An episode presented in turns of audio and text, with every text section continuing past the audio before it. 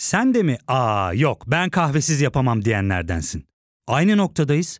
İlk ve tek kahve üyelik uygulaması Frink'le tanış. Hem bütçeni koru hem de hiç bitmeyen kahvenin tadını çıkar. Yakınlarından terapinin onlara ne kadar iyi geldiğini dinlesen de kendin için bir şeylere başlamak zor geliyor olabilir. Ya da sevdiklerine yardım etmeye istekliyken kendi ihtiyaçlarını görebilmek. Hayvel, uzman psikologlarıyla kendi ihtiyaçlarını bulmanda sana destek olacak. Terapi yolculuğuna başlamak için detaylı bilgi bölümün açıklamalarında.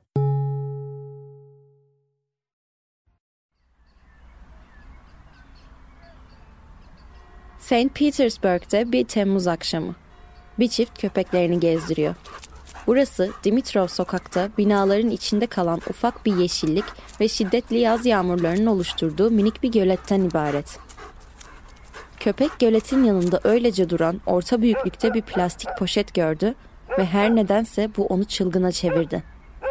Poşet aslında günlerdir oradaydı. Ancak insanların çoğunun dikkatini bile çekmemişti. Dikkat edenler de dokunmak ya da içine bakmak istememişti herhalde. Köpek çılgınlarca havlıyor ve etrafında koşturuyordu. Sakin bir akşam yürüyüşü olmasını dilemiş olan sahipleri en sonunda bunun olmayacağını anlayıp köpeklerini sakinleştirmek için yanına gittiler.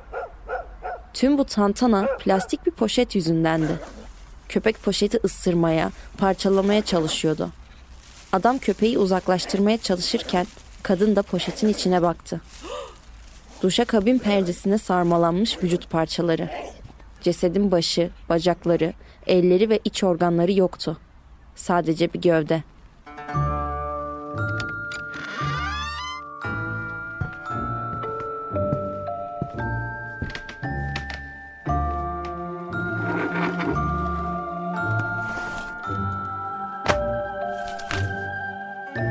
Ben Sezgi Aksu. Burası Karanlık Dosyalar. Bugün sizler için Tamara Samsonova davasını seçtim. Ne dersiniz? Hazırsanız başlayalım mı?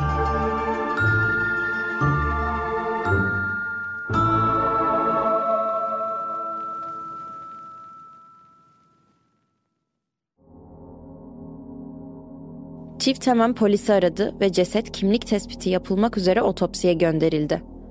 Otopsi sonucunda cesedin Valentina Nikolevna Ulanova'ya ait olduğu ortaya çıktı.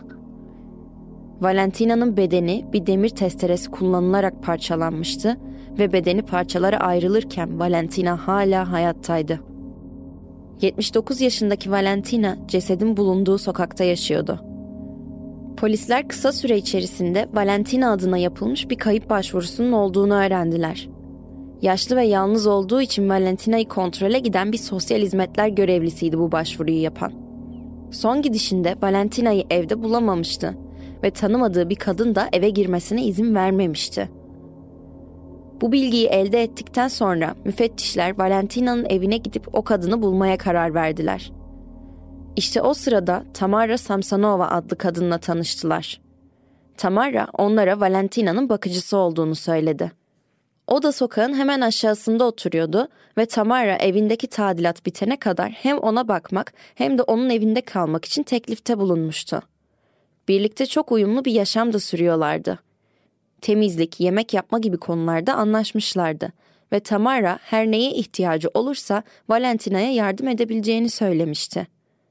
Tamara 68 yaşındaydı ve gelen görevlilere çok nazik davranmıştı.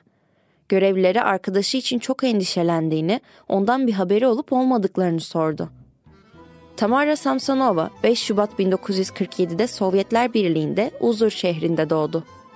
Liseden mezun olduktan sonra Moskova'ya geldi ve Moskova'da Devlet Dil Üniversitesi'ne girdi.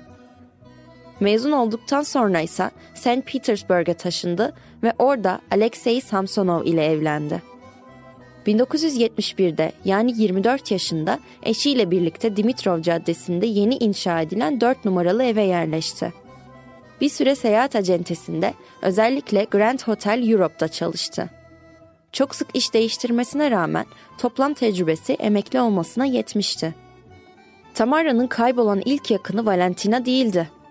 2000 yılında Samsonova'nın kocası ortadan kayboldu. Polise başvurdu ve başka bir kadınla kaçmış olmasından korktuğunu söyledi. Ancak aramalardan hiçbir şey çıkmadı. Tamara'nın gelir kaynaklarından birisi de kocasıydı ve onun ortadan kaybolmasıyla ekonomik olarak zor bir duruma düşmüştü. Normal bir işte de çalışamazdı çünkü söylediğine göre sağlığı yerinde değildi.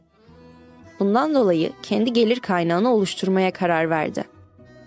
Evindeki odaları insanlara kiralıyor ve bakıma ihtiyaç duyan yaşlı insanlarla ilgileniyordu. Komşular ara sıra kocasının nerede olduğunu sorarlardı ve Tamara bilmediğini, adamın bir gün öylece ortadan kaybolduğunu söylerdi. Ancak komşuların dikkatini çeken başka bir şey daha vardı. Tamara'dan oda kiralayan kişiler orada uzun süre kalmazlardı. Hatta bazen veda bile etmeden gittikleri olurdu. Komşuları ise bunun Tamara yüzünden olduğunu, kimsenin onunla yaşamaktan keyif almadığını düşünürdü. Müfettişler daireye girdiklerinde ufak bir arama yaptılar. Valentina'nın en son neler yaptığını ve kimlerle görüştüğünü öğrenmek istiyorlardı. O sırada banyoya giren bir memur duşa kabin perdesinin olmadığını fark etti. Perdenin takılması için orada olan aparatlar yerli yerindeydi. Ancak perde evin içinde bile değildi. Dimitrov sokağa arama köpekleri gönderildi ve ilk buldukları şey Valentina'nın bacakları ve kalçası oldu. Ne olduysa bu bölgede olmuştu. Dedektifler güvenlik kamerası görüntülerini izlemeye başladılar. Tamara büyük çöp poşetleri taşıyor. Üstelik birden fazla kez. Poşetler çok ağır gibi görünüyor. Yaşlı bir kadını zorlayacak ağırlıkta gibi. Hatta bir tanesini Tamara sürükleyerek taşıyor. Dikkatli bakınca poşetin arkasından sızan bir şey var. Bu görüntüler Valentina'nın cesedi bulunmadan 3 gün önce çekilmiş. 29 Temmuz'da Tamara sorgulanmak üzere polis merkezine getirildi. Önce kendisinin bir oyuncu ve çok prestijli bir Rus bale okulunun mezunu olduğunu söyledi. Daha sonra bunun gerçek olmadığını, bir otelde görevli olduğunu söyledi. Dediklerini anlamak çok zordu. Çok dağınık konuşuyordu, söyledikleri tutarlı değildi. Psikiyatri ile görüşme yapılmasına karar verildi ve yapılan testler sonucu Tamara'nın hem kendine hem de topluma karşı risk taşıyan tehlikeli birisi olduğu söylendi. Ve duruşmaya kadar bir psikiyatri hastanesinde kalmasına karar verildi. Hastaneye gitmeden önce hikayesine devam etmek istediğini söyledi. Valentina ona yardımcı olması için Tamara ile yaşamaya başlamıştı. Ancak bir süre sonra Valentina ondan evden çıkmasını istemişti. Bulaşıkları kim yıkayacak ya da çamaşırı kim asacak gibi gündelik konulardan ötürü tartışıyorlardı. Ve Valentina da kimsenin ona ne yapıp yapmayacağını söylemesinden hoşlanmazdı. Kendi kendine bakabileceğini düşünüyordu. Ancak söylediğine göre Tamara kendi evine gidip yalnız yaşama düşüncesinden çok korkuyordu. Bu yüzden paniklemiş ve bir plan yapmaya karar vermişti. Ya fark ettin mi? Biz en çok kahveye para harcıyoruz. Yok abi, bundan sonra günde bir. Aa, sen Frink kullanmıyor musun? Nasıl yani? Yani kahvenden kısmına gerek yok. Frink'e üye olursan aylık sadece 1200 TL'ye istediğin çeşit kahveyi istediğin kadar içebilirsin. Günlük 40 TL'ye sınırsız kahve mi yani? Çok iyiymiş. Aynen. Hatta şu anda 200 TL'lik bir indirim kodu da var. E hadi hemen indirip üye ol da bu fırsatı kaçırma. Terapiye başlamak, içinden çıkamadığın döngüleri kırmak, bazı yanlış bulduğun kararlarını değiştirmek ve kendinle beraber daha huzurlu bir yaşam inşa etmek için atabileceğin en değerli adımlardan biri. Hayvel ile yoğun yaşam tempona uyum sağlayarak online terapi seanslarını takvimine göre ayarlayabilirsin. Bini aşkın uzmandan sana en uygun terapisti seçebilir, PodB10 koduyla indirimden yararlanabilirsin. Detaylı bilgi açıklamalardaki bağlantıda. Tamara evinden arabayla 22 dakika ancak yürüyerek 3,5 saat uzaklıktaki Pushkin'e gitti. Burada bir eczacıyı kendisine reçeteli bir ilaç olan fenazepam satması için ikna etmeyi başardı. Bu ilaç paranoid şizofreni ve anksiyete gibi çeşitli ruhsal bozukluk tedavisinde kullanılan Sovyetler Birliği'nde geliştirilmiş bir ilaçtı. Üstelik bu ilaçtan bir tane değil, 50 tane almıştı. Şehre döndükten sonra da Valentina'nın en sevdiği yemeklerden biri olan Rus salatası aldı. Hapları ezerek salatayla karıştırdı ve Valentina'ya yedirdi. Valentina salatanın ne kadar lezzetli olduğundan bile bahsetmişti o akşam. Tamara içi rahatlamış bir şekilde odasına çekildi ve gece iki civarı uyandığında Valentina'yı tahmin ettiği gibi mutfak zemininde bilinçsiz yatarken buldu. bedeninden kurtulmak için çalışmalara başladı. Söylediğine göre vücudu parçalamak düşündüğünden çok daha zor olmuştu. Başta bu işlemi banyoda yapmayı düşünmüştü. Ancak Valentina çok ağır olduğundan onu taşımaya gücü yetmemişti. Bu yüzden her şeyi mutfakta halletmişti. İki bıçak ve bir de komşusundan ödünç aldığı demir testeresini kullanarak Valentina'nın önce kafasını sonra da kolları ve bacaklarını gövdesinden ayırdı. Valentina'nın kafasını ve ellerini bir tencereye koydu ve su ile kaynattı. Valentina'nın ailesi ya da akrabaları onu merak edene kadar sıkıntı çıkmayacağını biliyordu. Yaklaşık beş ay daha rahat olacağını düşünmüştü. Sadece iki gün olacaktı. Komşuları Tamara'nın geçmişte birden fazla kez psikiyatri hastanesine yatırıldığını biliyorlardı. Ancak her gün sohbet ettikleri nazik, tatlı ve yardımsever bu yaşlı kadının yaptıklarına inanamıyorlardı. Oysa gerçekler komşularını değil tüm Rusya'yı, tüm dünyayı ürpertecek korkunçluktaydı. Valentina Tamara'nın son kurbanıydı ama ilk kurbanı değildi. Dedektifler evi aradıklarında Tamara'nın günlüğünü buldular. Günlüğe yaptığı her şeyi yazıyordu. Kahve içmek, erken uyanmak, postaneye gitmek, kiracılar ve cinayetler. 6 Eylül 2003'te Tamara bir tartışma sırasında 44 yaşındaki kiracısını öldürdü. Daha sonra cesedini parçalara ayırdı ve Saint Decis yolu sokaklarına attı. Adamın cesedi daha sonra yetkililer tarafından bulunsa bile kafatası ve uzuvları olmadığından kimliği belirlenemedi. Sadece sırtındaki dövme kim olduğunun bulunması için bir ipucu olabilirdi. Öyle de oldu. Tamara da günlüğünde bu dövmeden bahsetmişti.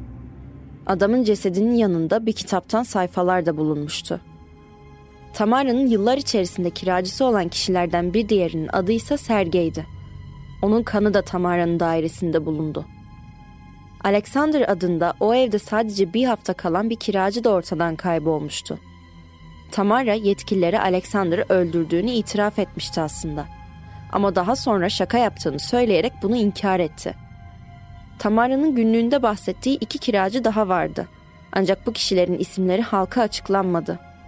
Bir zamanlar Tamara'nın kiracısı olan Vladimir ise Tamara'dan kaçma hikayesini anlattı. Onun söylediklerine göre evde kaldığı zaman da Tamara ile bir ilişkileri vardı. Ayrılmak istemişti ama kısa süre sonra hastanelik olmuştu. Doktorlar ona zehirlendiğini söylemişlerdi. Vladimir ise bunu yapanın kim olduğunu biliyordu. Onunla yüzleşmek ya da şikayette bulunmaktansa bütün eşyalarını toplayıp oradan kaçmaya karar verdi. Tamara psikiyatri hastanesindeyken basından onu ziyarete gelen herkesi kabul ediyordu. Onlara öpücükler atıyor, onlarla sohbet ediyordu. İlgiyi çok sevmişti. Bu sırada namı da yayılmaktaydı. İnsanlar ondan katil büyük anne ya da Baba Yaga diye bahsediyorlardı.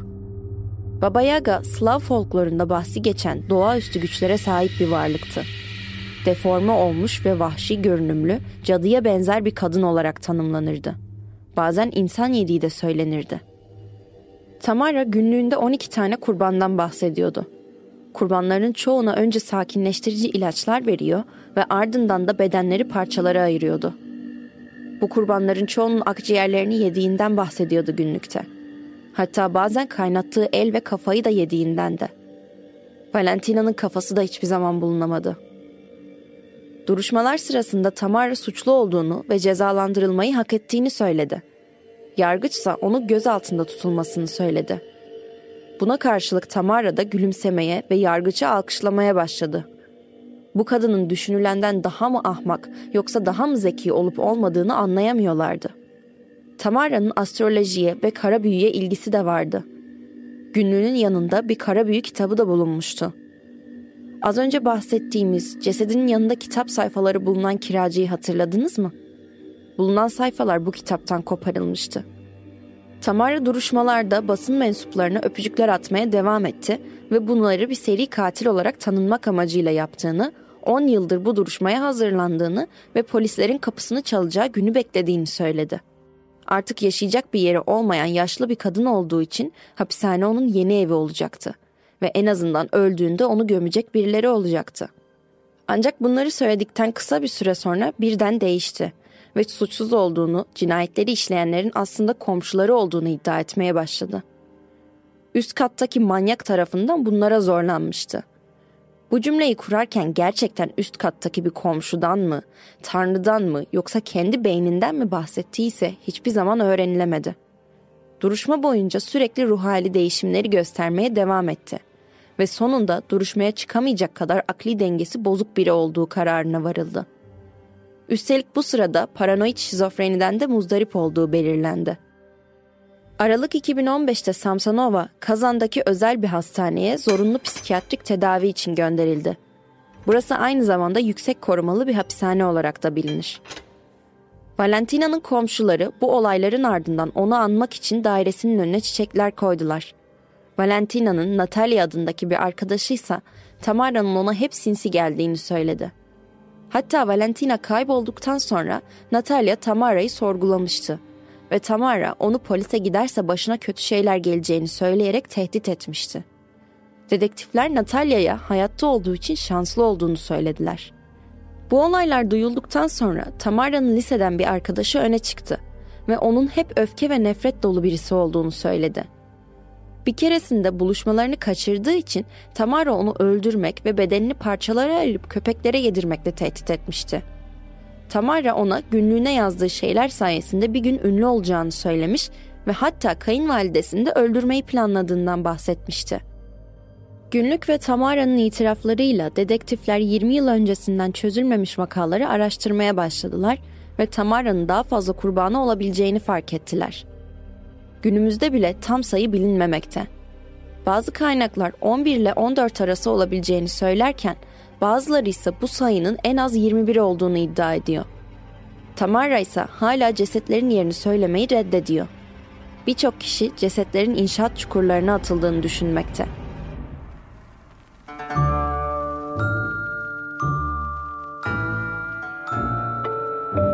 Evet, bu haftanın sizler için seçtiğim karanlık dosyasını ziyaret ettik. Bir sonraki karanlık dosyada görüşmek üzere. Kendinize iyi bakın.